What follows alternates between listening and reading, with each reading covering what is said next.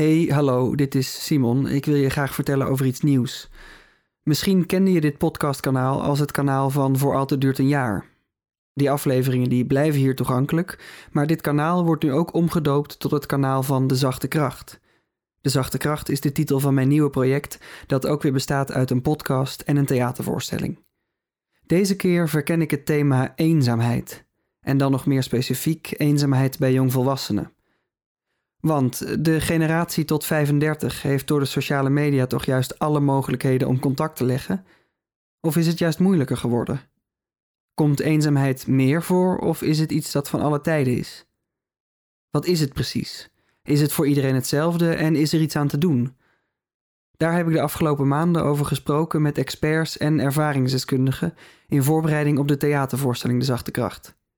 Binnenkort kun je hier die gesprekken horen als podcast, dus houd het kanaal in de gaten. En ik hoop ook dat je komt naar de voorstelling De Zachte Kracht in het theater. We spelen van 27 oktober tot 19 december door het hele land en kijk voor de speellijst op www.simonheimans.com. Tot gauw.